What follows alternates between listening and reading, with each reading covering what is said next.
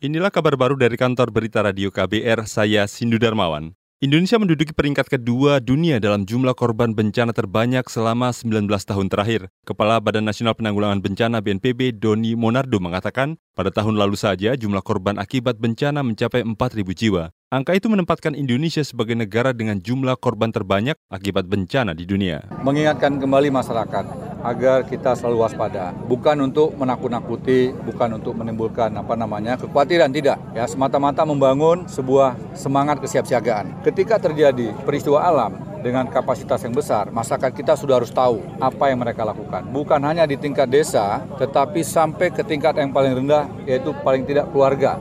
Bahkan sampai orang per orang. Anak, ibu juga harus tahu ketika terjadi.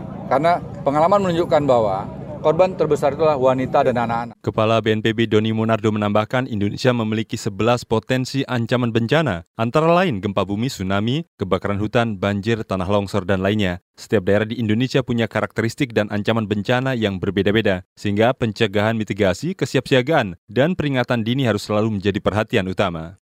Badan Pengkajian dan Penerapan Teknologi BPPT menargetkan menambah produksi garam industri. Deputi Bidang Teknologi Informasi Energi dan Material, Enia Listiani Dewi mengatakan BPPT akan membuat satu pabrik garam lagi dengan skala produksi 40 ribu ton per tahun. Pabrik garam itu akan berdiri di Gresik, Jawa Timur di atas lahan PT Garam. Desember tahun ini diharapkan pabrik garam itu sudah bisa beroperasi. Kita membuktikan bahwa pabrik garam industri itu bisa berdiri di Indonesia dengan uh, eh, TKDN loka, lokalnya tinggi gitu. Itu yang kita inginkan sebetulnya kalau bahan baku itu lebih bagus di Kupang hmm. karena uh, lebih bersih. Deputi Bidang Teknologi Informasi Energi dan Material BPPT Enia Listiani Dewi menambahkan agar bisa swasembada garam, Indonesia membutuhkan produksi hingga 4 juta ton garam per tahun. Begitupun dari segi lahan. Idealnya, Indonesia punya 40 ribu hektar lahan garam se-Indonesia, tapi yang ada saat ini justru baru 30 ribu hektar lahan saja.